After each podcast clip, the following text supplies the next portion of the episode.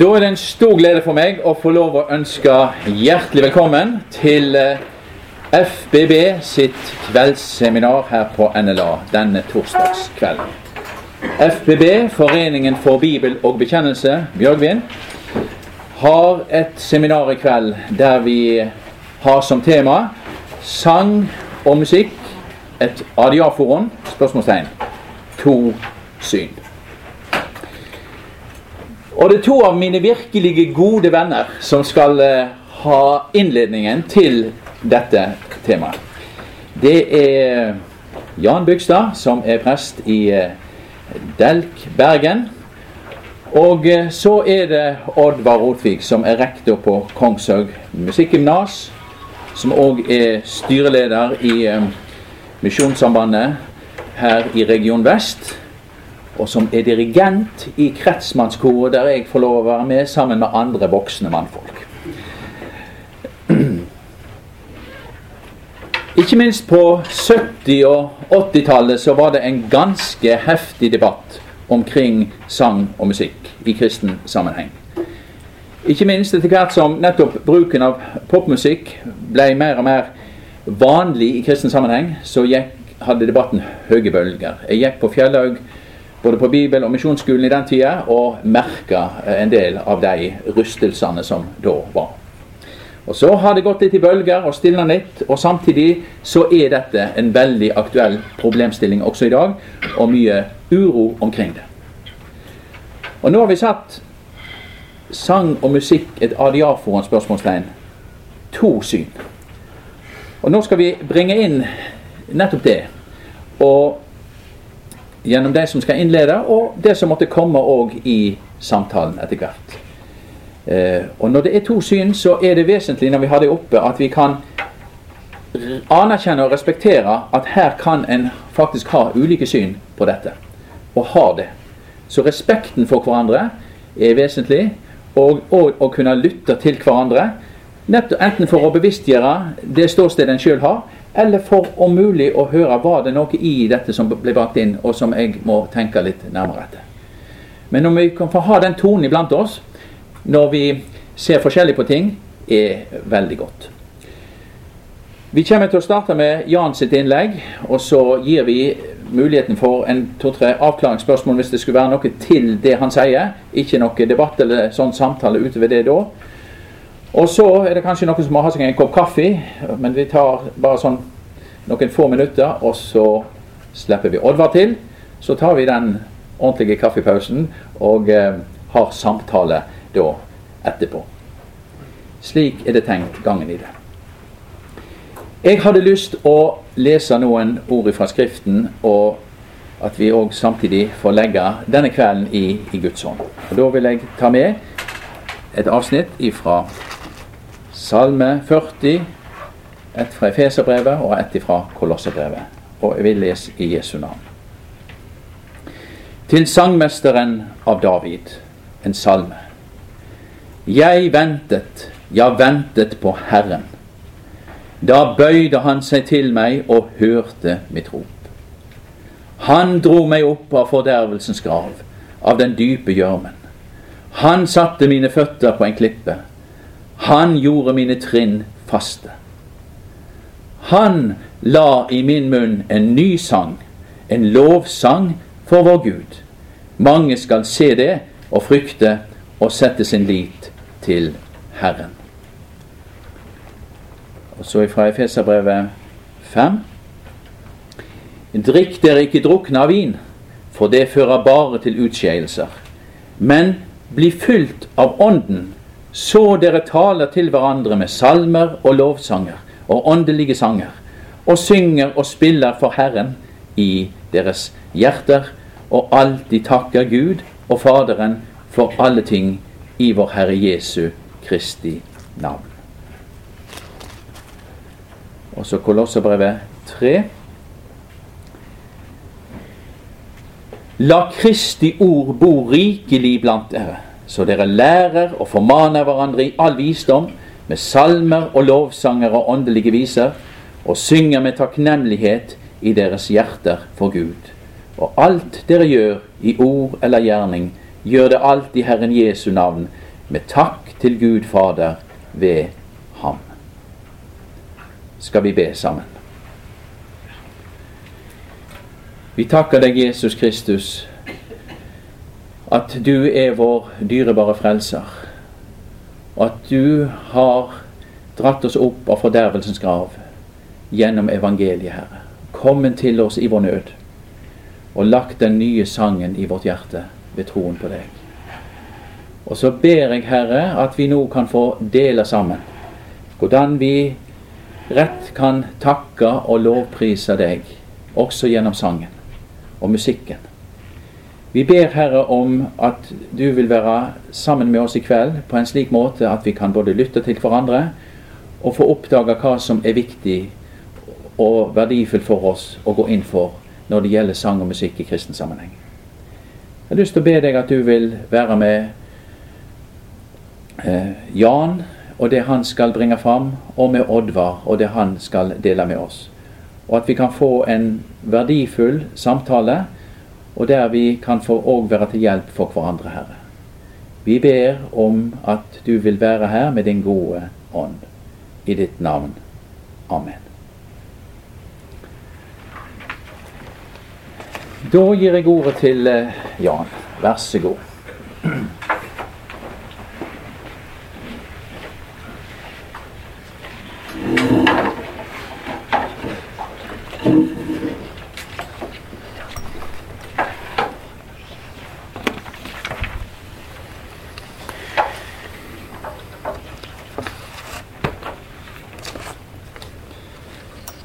Vel, jeg får prøve å holde styr på alle papirene mine her. Så får vi se. Um, overskriften over eh, dette seminaret er altså satt med en tittel med et spørsmålstegn. 'Musikk et adiaforon'.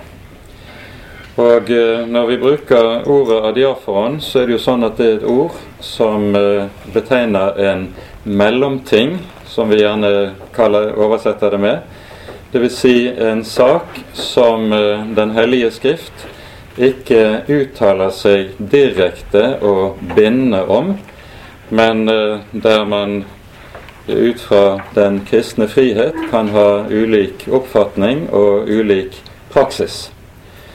Og vi har eh, da formulert dagens tematikk slik at det står der med et spørsmålstegn. Musikk, et adiaforon. Ehm, selve diaforan-begrepet det har sin bakgrunn i eh, den augsburgske bekjennelsens syvende artikkel, der eh, vi leser følgende. Til Kirkens sanne enhet er det tilstrekkelig å være enige om evangeliets lære og sakramentenes forvaltning. Men det er ikke nødvendig at man overalt har de samme menneskelige overleveringer eller kirkelige former eller seremonier anordnet av mennesker. Og så eh, ser vi ut fra dette at den lutherske kirke har hatt en praksis på dette området som gjør at man både har hatt en liturgisk frihet, eh, som eh, idet man ikke har foreskrevet bestemte liturgier som bindende, ei heller har foreskrevet veldig mye på dette området som har med det musikalske å gjøre. Når vi likevel våger å stille dette som et spørsmål, musikk et adiaforon, så er det fordi at eh, det nok ikke uten videre er gitt at musikken i seg selv hører med til det vi kan kalle for en mellomting. Og Det det da dreier seg om, er at man eh, må gå en annen vei enn til eh, Guds ord direkte for å finne direkte forskrifter om det ene og det annet når det gjelder musikken. Det det snarere da er spørsmål om, det er å forstå noe av hva musikken er, hva musikken uttrykker, og om det da er, også vil være slik at musikken kan anvendes som et egnet middel i den kristne menighets liv og gudstjeneste. Musikk er noe som, eh, slik Bibelen taler om det, er et skapergode. Det hører inn under kulturoppdraget som gis mennesket allerede i skapelsen. Vær fruktbare, bli mange, oppfyll jorden og legg den under dere, står det i Første Mosebok 1. Og i kapittel 2 sies det til eh, Adam at han skal få i oppdrag å dyrke og vokte hagen. Og eh, disse to versene i Genesis 1 og 2 de anvendes gjerne som utgangspunkt for det vi kaller for det kulturoppdraget som mennesket får når det settes inn i skaperverket. Og til kulturoppdraget hører både håndens arbeid og åndens arbeid. Det, det, vårt ord kultur kommer jo av det latinske cultus, som betyr å dyrke. Å dyrke marken Eh, og det du dyrker på marken, det er noe som ikke kan spire og gro uten et arbeid som gjør at marken kan gjøres fruktbar. Og så har man gjerne brukt følgende uttrykk om kulturoppdraget. Kultur, det er foredling av natur. Dersom naturen bare får eh, vokse vilt, slik som vi finner den ute eh, i utmarken, så vil den ikke frembringe stort av det som er nyttig grøde. For at grøden skal vokse, så må marken bearbeides. Bonden må drive et flittig arbeid for at jorden skal bære. Og På samme måte er det også med åndens arbeid. Kultur er foredling av natur. Når, og det sier seg dermed selv at til eh, kulturoppdraget hører også det som har med musikk å gjøre, akkurat som alt annet skapende arbeid hører inn under dette. Enten vi nå kaller det for malerkunst, vi kaller det for litteratur, eller hva vi kaller de ulike kulturuttrykkene, Alt dette hører med til kulturuttrykket som søker å virkeliggjøre kulturoppdraget. Det innebærer at skal man tenke rett i forhold til kulturen, så må man som kristen være kulturåpen.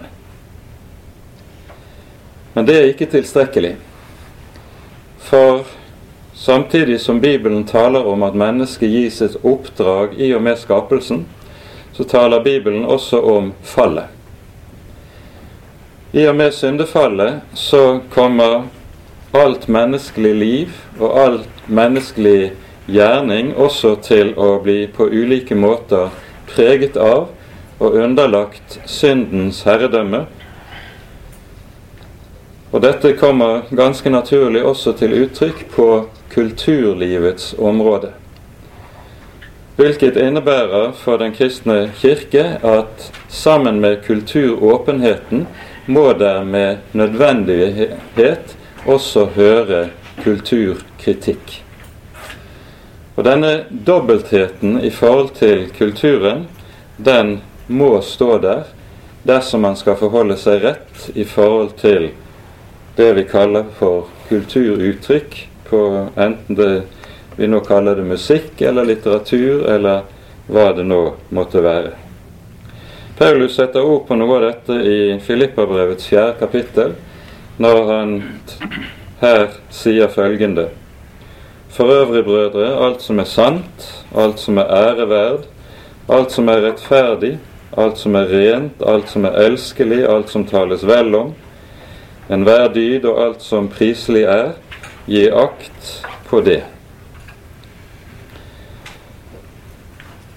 I og med at det er slik at man som kristen må ha denne dobbeltheten i forhold til kulturen, både åpenhet og kritikk, så innebærer det også at man ikke kan si at all kultur i seg selv er et naturlig uttrykk for det som er av det gode. Det er også meget som vi som kristne må stille oss kritiske til. På musikkens område gir dette seg selv også på tilsvarende vis. Um, og nå har det vært slik at i Den kristne kirkes historie så har det vært arbeidet ganske betydelig med det vi kan kalle for musikkteologi. Dette er et område som man finner eh, rikelig behandlet like fra kirkefedrene av i Oldkirken, via middelalder og reformasjon, og ikke minst under ortodoksien og pietismen. Det er skrevet bindsterke verk om forholdet mellom teologi og musikk tidligere i Kirkens historie, ting som i dag i alt vesentlig er ukjent. Ikke minst gjelder det på norsk mark. Og her tror jeg noe av skylden eh, ligger innenfor eh, deler av den pietisme eller puritanisme som har preget store deler av norsk kristenliv, i det alt som har vært kalt for kultur, har vært betegnet som verden, og som derfor noe som en kristen ikke skal beskjeftige seg med, ikke skal forholde seg til. Så har vi da i nyere tid fått et pendelsving ifra denne absolutte avvisning i forhold til alt som har med kulturen å gjøre, som var innen deler av pietismen, der det har slått ut motsatt vei, der man så å si stiller seg åpen for absolutt alt. Samtidig som en da er, ikke er oppmerksom på og ikke kjenner til det som har vært tenkt rundt disse spørsmålene tidligere i Den kristne kirkes historie.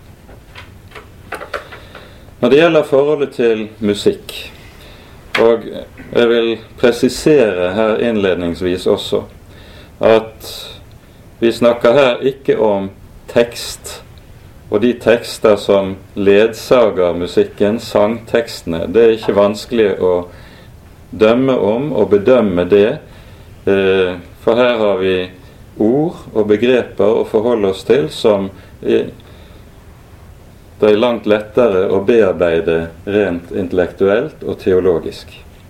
Her snakker vi om musikken uavhengig av det rent tekstlige. Hvordan skal vi forholde oss til det? Det som har vært en grunntanke gjennom hele Kirkens historie når man har talt om musikkteologi, det er at man har tenkt som så at det er en uoppløselig sammenheng mellom det sanne, det gode og det skjønne. Det sanne, det gode og det skjønne. Eller for å ta det mer i forhold til de ulike disipliner det er en uoppløselig sammenheng mellom dogmatikk, etikk og estetikk. Man har alltid sett det slik at estetikken, det som hørte til det skjønnes gebet, den sto i tjeneste for det sanne og det gode, og ble tatt i, tjenest, i dettes tjeneste. Under opplysningstiden skjer det en revolusjon på dette området. I det estetikken, rent filosofisk, løses fra både dogmatikken og etikken. På en slik måte at estetikken får eh, leve sitt eget liv. Estetikken blir så å si et nøytralt område der det bare er spørsmål om den gode smak. Det ser man fra opplysningstiden av og fremover at når mennesker skal forholde seg til de ulike kunstneriske uttrykk, enten det nå er musikk eller litteratur eller malerkunst, så er det først og fremst spørsmål om den gode smak. Det er ikke lenger spørsmål etter er dette sant, er dette godt, kan dette tjene det godes og det sannes sak. Og Nettopp denne holdningen i forhold til det estetiske gebet, den har fortsatt inn i vår egen tid på det vis at man gjerne har brukt dette uttrykket i kristen sammenheng, der man sier at musikken er noe som er nøytralt. Det er for så vidt revnende likegyldig hvilket musikalsk uttrykk man anvender til, eh, i kristen sammenheng og til de ulike tekster, for musikken er etisk og dogmatisk sett nøytral. Den bærer ikke noe Eh, verdimessig i seg. Og derfor kan man eh, alt etter smak og behag bruke den musikken som måtte passe inn. Slik har det vært argumentert om dette, og jeg tror de fleste av dere kjenner igjen denne argumentasjonen. Samtidig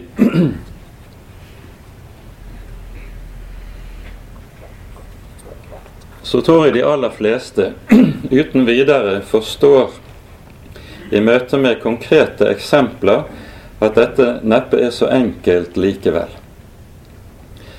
Ta en salme som uh, synges på en av de usigelig vakre folketonene i våre kirker. Jesus, din søte forening og smake. Jesus, din søte forening og smake. Lenge så trenges mitt hjerte og sinn. Denne synges til en folketone som har en helt egen evne til å få frem det som ligger i teksten, og som gjør at musikken gir det tekstlige innholdet i eh, denne salmen en egen gjennomslagskraft, en egen evne til å finne klangrom i menneskets hjerte. Rent metrisk så kan imidlertid denne salmen synges på en ganske annen melodi som dere godt kjenner. Og det skal visstnok også ha skjedd konkret på torgmøter for en del år tilbake inne i hovedstaten. Da ble salmen fremført slik Jesus, din søte forening må smake, lenges og trenges mitt hjerte og sinn. Når du setter melodien til Pål sine høner til en slik salme, så skjønner du og hører du at salmen får en fullstendig annerledes karakter. En karakter som gjør at det tekstlige innholdet på en måte begynner å forvitre og renner bort mellom fingrene på deg som var det sann. Fordi melodien i seg selv ikke svarer til det som er tekstens innhold. Det er ingenting galt med melodien Pål sine høner. Man kan ikke si at den etisk sett er ond, eller at den dogmatisk sett er usann. Det er bare det at den ikke kler og ikke evner å løfte inn det som er tekstens innhold, inn i et menneskes hjerte, slik at den får tekst og det tekstlige innhold får den plass som det skulle ha. Et sånt eksempel så tror jeg vi kan peke på nettopp dette at det er ikke sikkert at det musikalske uttrykk er så nøytralt som man vil hevde det rent teoretisk likevel. Det er tydelig at musikken er bærer av kvaliteter som både kan løfte frem det bibelsk-kristne innhold og slå det i hjel. Begge deler.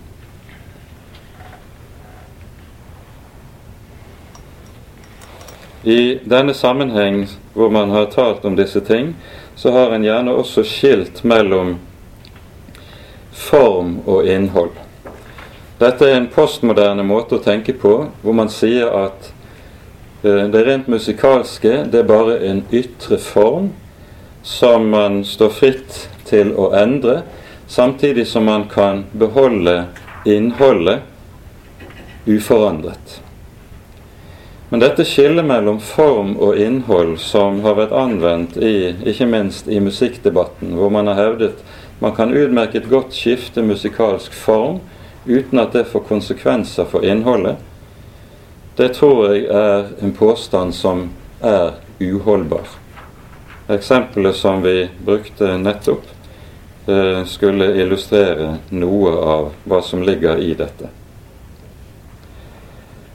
Før vi nå går videre med å se på dette, så må vi ha et avsnitt om sangen og musikken i Bibelen og i Bibelens tenkning.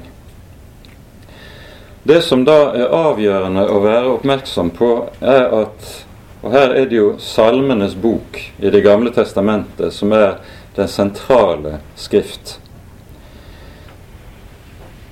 Det avgjørende er at sangen, og dermed også musikken, den er, den er forstått i bønnens kategori i Den hellige skrift.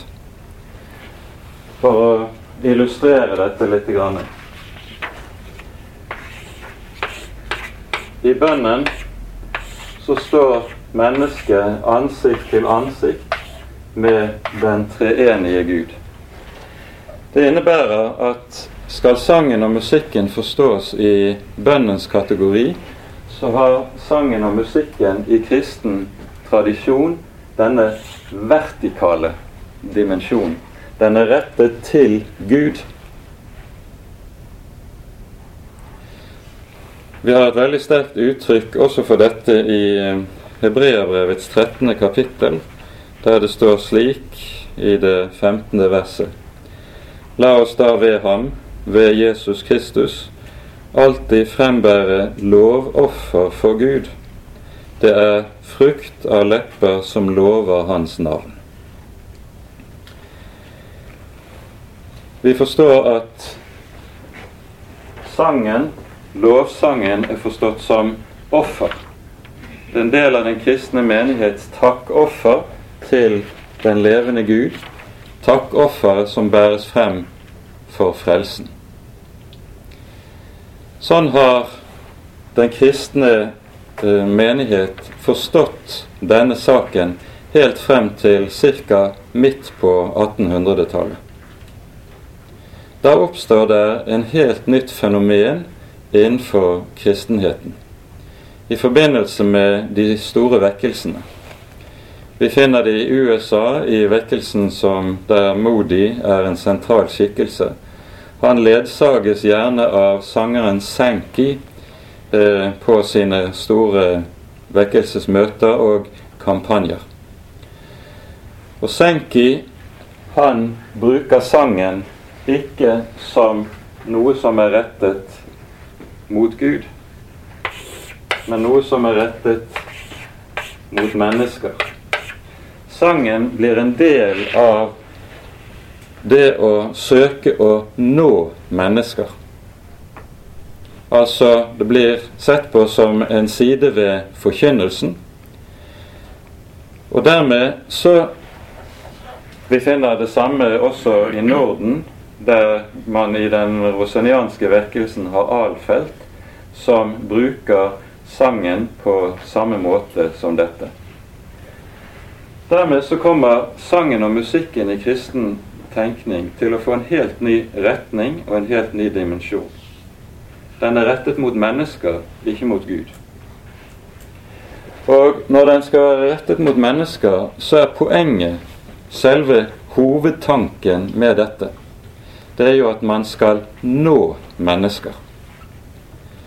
Og skal du nå mennesker, så må du bruke de midler, spille på de toner som menneskene også ganske naturlig vil høre og vil lytte etter. Noe som får til følge at i denne tradisjonen hvor man begynner å tenke slik, der vil man gradvis i sterkere og sterkere utstrekning tilpasse musikken til det som er det alminnelige i tiden, i kulturen, det som folk flest liker. Dette ser vi sterkt nedslag av f.eks. i eh, sangboken, som på som har vært anvendt på bedehuset i mange, mange år.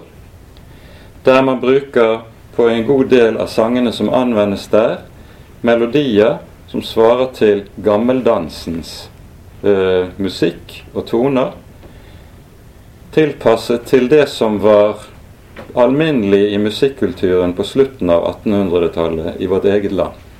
Man skulle anvende musikk som var gangbart, som folk likte, for å nå folk.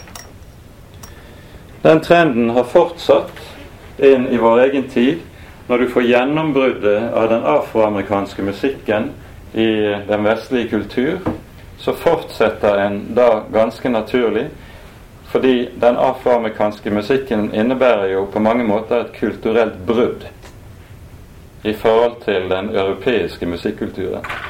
Og fordi denne musikken representerer et brudd med europeisk musikkultur, så tar det et stykke tid. Man må likesom over en terskel før man svelger den i kristen sammenheng. Men på 70-tallet og 80-tallet, først og fremst under påvirkning fra USA, så gjør den afroamerikanske musikken sitt inntog. Og hele tiden er tankegangen det skal man nå vår tids unge, så må man ta i bruk dette som virkemiddel. Så må man ta, imot, ta i bruk dette for i det hele tatt å kunne få de unge i tale. Tankegangen er hele tiden man synger for mennesker, ikke lenger for Gud. Denne utviklingen har styrt store deler av det som skjer innenfor uh, kristenheten og innenfor kristenlivet. Og per i dag er det vel slik at du har en avgjørende skillelinje som går mellom de kirker som anvender klassisk liturgi i sin gudstjeneste, i sin hovedmøte. Der er dette konseptet bevart. Man vet seg i liturgien å stå ansikt til ansikt til Gud. Når vi er samlet, så synger vi for Gud, ikke for mennesker. Mens i de sammenhenger der man har kastet liturgien over bord, enten det gjelder eh, frikirker eller store deler av bedehusland, eh, så har man kommet til å akseptere dette konseptet. Og ganske typisk så tales det om å forkynne evangeliet med musikk eller med sang. Noe som altså er en helt ny måte å tenke på rent kirkehistorisk. Det som altså er den klassiske måten å tenke om dette på i Den hellige skrift, det er at sangen og musikken er forstått i bønnens kategori.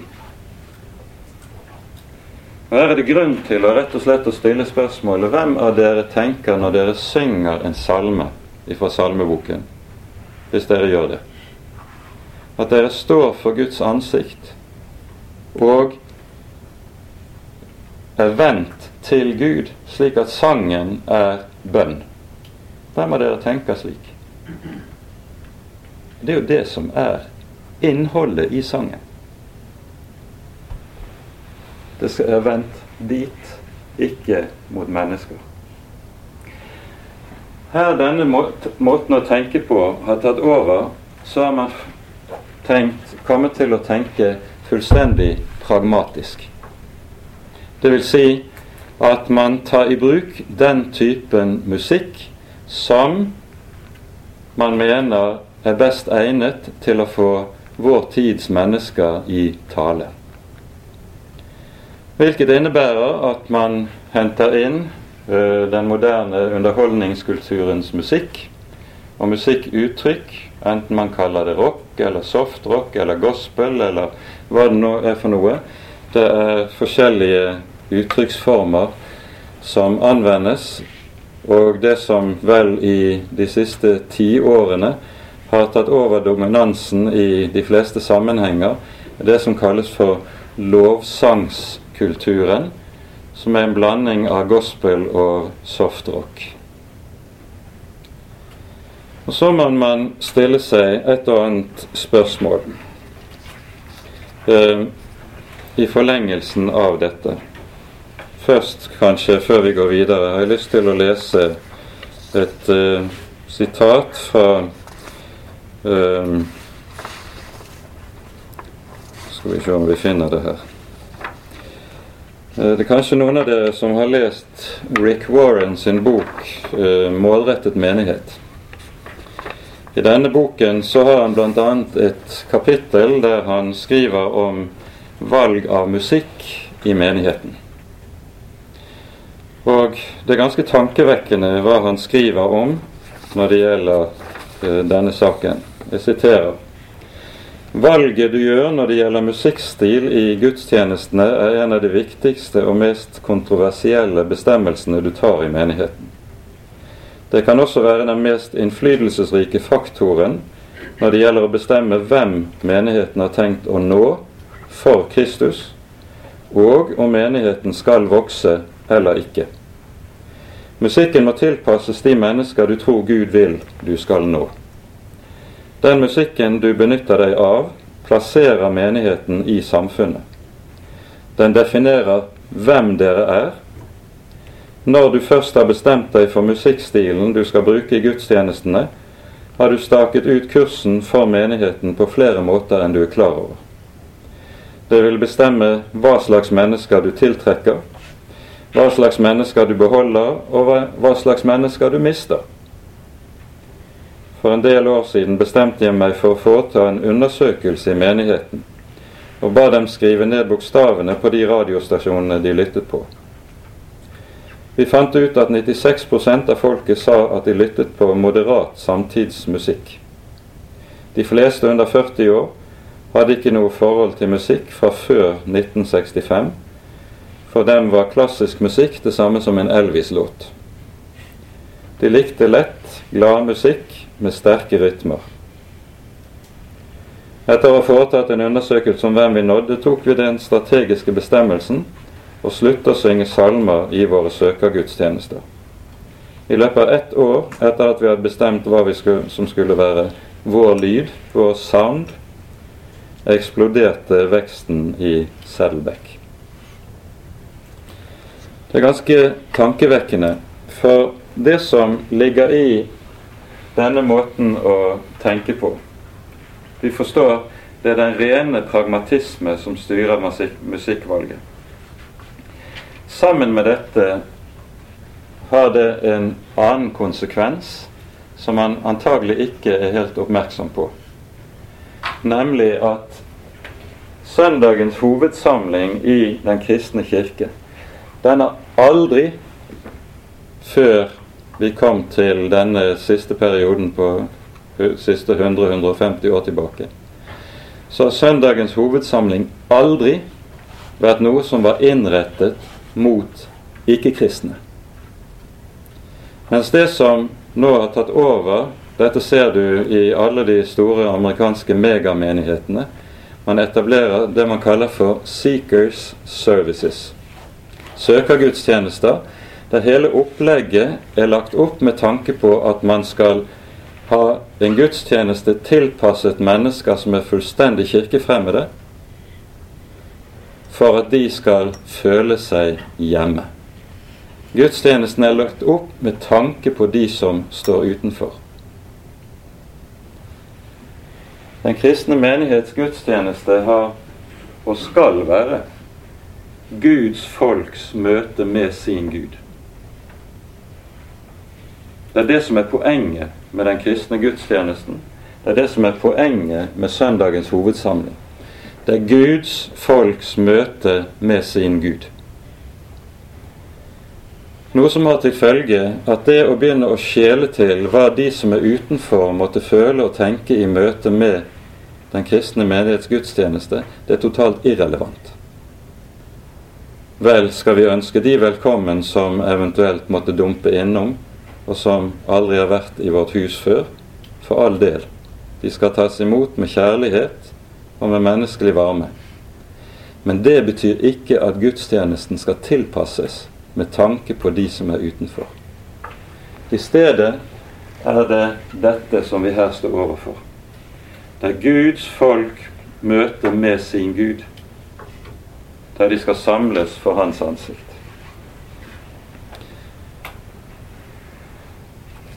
Dette innebærer å ha ganske bestemte konsekvenser for hvordan en tenker om musikken. Men nå går tiden, og jeg ser at jeg må prøve å stramme inn litt. Hva er det som skjer med det kulturskiftet vi står overfor når den afroamerikanske musikken slår igjennom i Europa og blir den dominante kulturfaktoren, den dominante eh, påvirkningskraften innenfor ganske særlig mus på musikkens område. Det har vært skrevet ganske mye om dette, men begynnelsen på det kulturfenomenet som vi står overfor, det finner vi allerede i opplysningstiden hos filosofen Rousseau. Rousseau bærer i seg et veldig opprør mot kulturen og den europeiske dannelse. Han ønsker seg et menneske som kan komme tilbake til naturstilstanden, og som eh, Og derfor er den innfødte på sydhavsøyene det er idealmennesket som lever i idealtilstand. Den europeiske kultur, slik den hadde utviklet seg frem til det, ble sett på som et fengsel som mennesket måtte komme ut av. Freud snakker om ubehaget i kulturen som det må brytes med. Og Det som skjer med gjennombruddet av den afroamerikanske musikken, det er at det nettopp blir et brudd i forhold til den klassiske europeiske kultur og dannelse. Kultur, sa vi, det er foredling av natur. Derfor krever kultur dannelse. Kultur krever disiplin. Kultur krever at mennesket behersker sine lavere drifter. Kultur krever ganske bestemte ting av mennesket. Det den afroamerikanske musikken gjør, det er at den bryter ut av dette som den ser på som et fengsel. Og så får man gjennombruddet for det som kalles for det naturlige. Det skal ikke være hemninger. Det skal ikke være grenser for menneskets livsutfoldelse. Rock er drifter. Rock er opprør, sier eh, Ole Paus i en kommentar til det som den gang kaltes for kristenrocken. Det finnes ikke noe som heter kristen rock, sier Ole Paus. Han har forstått det. For nettopp i musikken, denne musikktradisjonen så ligger et brudd med alt det som kalles for disiplin. Alt det som har med å sette grenser for den kjødelige livsutfoldelse. De lavere instinkter og lidenskaper. Det er nettopp det som skal slippes løs, og som denne musikkformen like som legemliggjør når den slipper løs.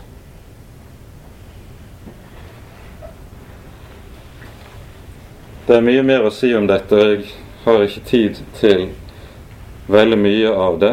Men jeg vil slutte med å peke på et par sentrale ting når det gjelder musikken. Uh, og da ganske særlig noe av det som gjelder det som den type musikk som kjennetegner den nyere lovsangskultur, og som har blitt dominerende med at den karismatiske bevegelsen er blitt, har fått bredere og bredere gjennomslag. Hva er det som kjennetegner denne typen lovsangsmusikk? Den er preget av tre hovedelementer. For det første er denne typen musikk ofte upreget sentimental. Ved å bruke sentimentaliserende virkemidler, så kan et, man meget fort få et menneskes følelsesliv i tale. Dette passer som hånd i hanske med en kristendomstype som nettopp tar, er mest opptatt av hva det er som foregår i mitt eget hjerte. Det subjektive. Mens det som kjennetegner, i motsetning til dette luthersk tenkning og luthersk teologi, det er et fokus på det objektive. Det ligger i dogmatikken, det gjelder i troslæren. Det er et fokus på den objektive. Den sentimentaliserende musikkformen den retter fokus mot nettopp det følelsesmessig subjektive. Det er det ene elementet som er utpreget i denne sammenheng. Det andre elementet er ofte et relativt sterkt rytmisk element man får trang til å bevege på seg. Dansefoten kommer i gang. Og eh, i en god del av de karismatiske sammenhenger så kombineres jo gjerne lovsang med dans. Man snakker om lovsangsdans. Men til disse to elementene kommer et tredje element som er meget betydningsfullt. Og det er gjentagelsen. Man gjentar disse ulike enkle korene som synges, gjerne åtte-ti ganger. Og så får du med disse tre elementene en meget sterk cocktail. Sentimentalitet, rytme og gjentagelse. Det skaper det som vi kaller for suggesjon. Det er et sterkt suggestivt virkemiddel. Og suggestive virkemidler har det med seg, som er noe av det farlige, det er at med det i hånd så kan du manipulere en forsamling. Noe som burde være Den kristne kirke fullstendig fremmed, ja vesens fremmed. Paulus skriver i eh, andre Korinterbrev eh, om dette følgende Vi har sagt oss løs fra alle skammelige snikveier, og farer ikke frem med list. Heller ikke forfalsker vi Guds ord, men å kunngjøre, ved å kunngjøre samvittigheten anbefaler vi oss til alle menneskers samvittighet for Guds ansikt. Å anvende suggestive virkemidler i den kristne menighet, i den kristne gudstjeneste, det er å anvende det Paulus kaller for skammelige snikveier. Fordi man da nettopp blir i stand til å manipulere en forsamling. Og når man skal, sånn som det gjerne er blitt en del av denne musikkulturen, ved møtets begynnelse stå slik, gjerne med hendene over hodet, gjentagende synge, danse i henførelse i tre kvarter før en tale begynner. Da settes forsamlingen i en bestemt modus som gjør at taleren så å si har fritt spillerom når han kommer på talerstolen. Det er en problematikk som i veldig liten grad er belyst og behandlet, men som jeg tror er dypt alvorlig og som bør bevisstgjøres på.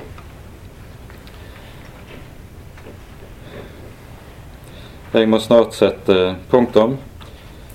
Um, og jeg vil til slutt peke på et par hovedsaker. Med denne modellen som er tegnet her, så står vi overfor eh, sammenfatningen av noe som vi finner i et hovedord i Skriften, Jesaja 57, 15, der den hellige Gud sier i det høye og det hellige bor jeg, og hos den som er sønderbrutt og sønderknust av hjertet. Den Gud, den kristne Gud, som forkynnes i den kristne menighet, og som vi tror på, det er en Gud som er den hellige, og samtidig som bøyer seg ned i det lave og i det dype for å forløse syndere. Og På denne måten så forenes høyden og dybden. Det er det liturgien i den kristne menighet alltid har søkt å gi uttrykk for. Å forene høyden og dybden. Gi uttrykk for både ærefrykten med at vi står innenfor den høye og den hellige, og samtidig erkjennelsen av ved meg syndige menneske. Vær meg synd, arme synder nådig. Denne høyde og dybde, den setter musikken i klassisk kristen tradisjon ord på, eller toner på. Og denne er det også den klassiske liturgien søker å målbære. For det er en grunnlov de, som gjelder alt det som har med den kristne eh, menighets sammenkomster å gjøre, som har gjeldt eh, alltid, og den heter lex credendi, lex orandi. Bønnens lov er troens lov. Slik den kristne menighet tror, slik ber den. Med andre ord, den kristne møteformen, enten det nå er gudstjeneste eller en annen type møte, den gjenspeiler hva som er den faktiske tros liv. Og man kan godt si det slik at er du klar over dette, så behøver du bare være en gang eller to på, i en kristen møtesammenheng for dermed også å kunne avlese hva slags tro det er som lever i denne forsamling. Hva slags kristendomstype du står overfor, og hva det åndelige liv i denne menighet dreier seg om. Troens lov er bønnens lov. Og Det kan ikke sammenfattes bedre og enklere enn på dette viset. Det innebærer også konkret at det menigheten er nødt til å bevares fra det lettvinte, det banaliserende, det trivialiserende, som kommer til Eller er det som er blitt det dominerende i den kultur vi lever i i dag. For med en gang den slags får innpass, så forsvinner nettopp denne dette spennet som man skal leve i. Høyden og dybden. Mye mer skulle vært sagt, men min tid er løpt ut, og jeg tror jeg setter punktum der. Takk så langt.